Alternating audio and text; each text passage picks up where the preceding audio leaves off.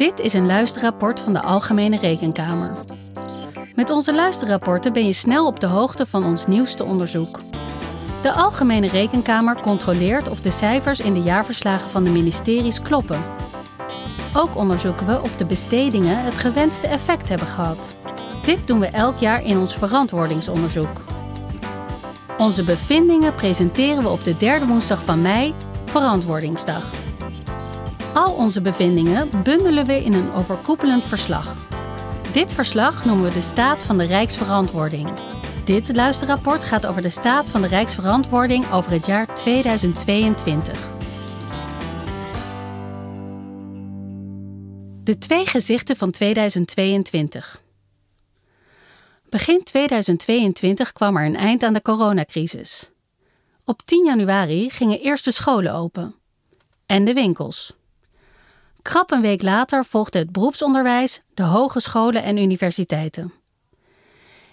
In crescendo ging het verder. Restaurants, theaters en concertzalen openden hun deuren. Bezoek thuis ontvangen mocht weer, al begon het met niet meer dan vier gasten per dag. Sluitingstijden werden verruimd. Naar kantoor komen kon weer. Samen sporten, evenementen bezoeken.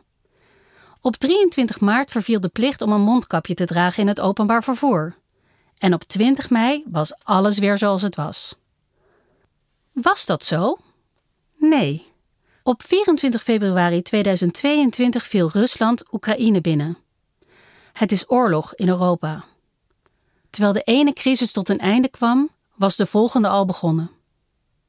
De coronacrisis tekende zich duidelijk af in onze verantwoordingsonderzoeken over 2020 en 2021.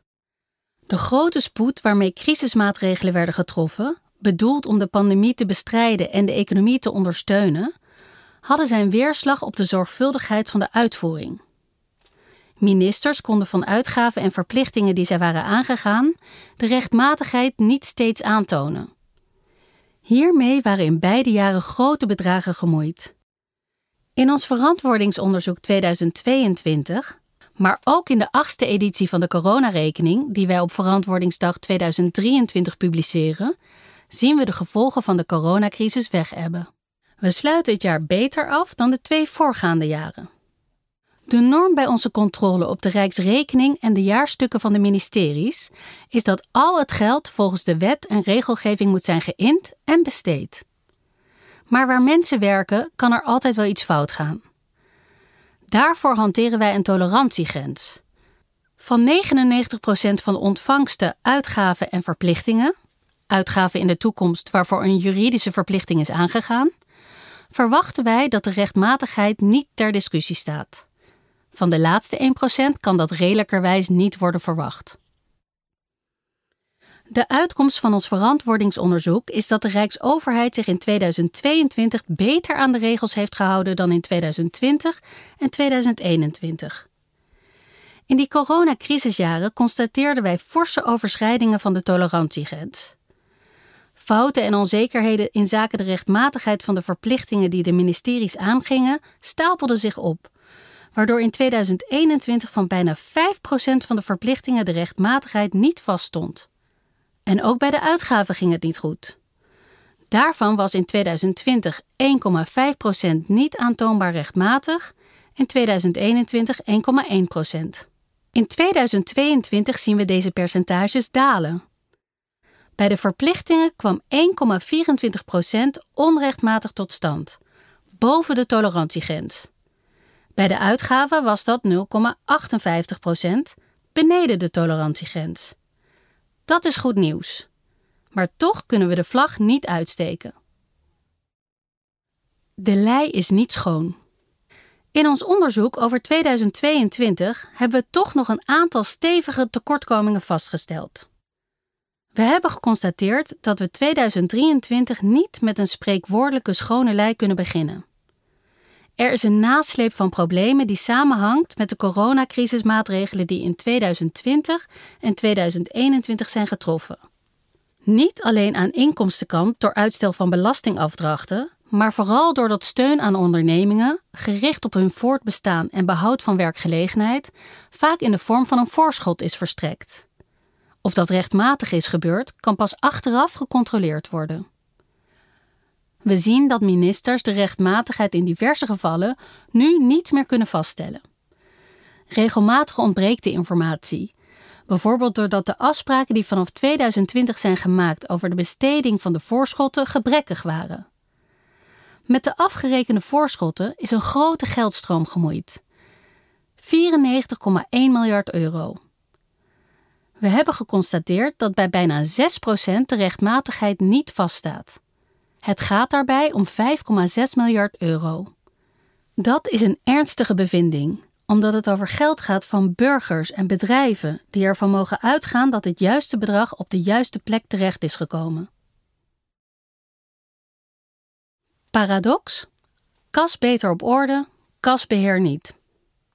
Ons verantwoordingsonderzoek houdt niet op bij de controle op de ontvangsten en bestedingen van de Rijksoverheid. Wij beoordelen ook of ministers de zaken goed geregeld hebben op hun departementen. Of, in andere woorden, de bedrijfsvoering op orde is.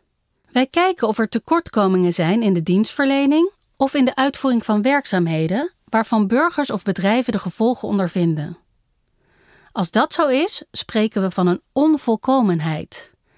En als het probleem omvangrijk is, grote invloed heeft of hardnekkig is, noemen wij zo'n onvolkomenheid ernstig.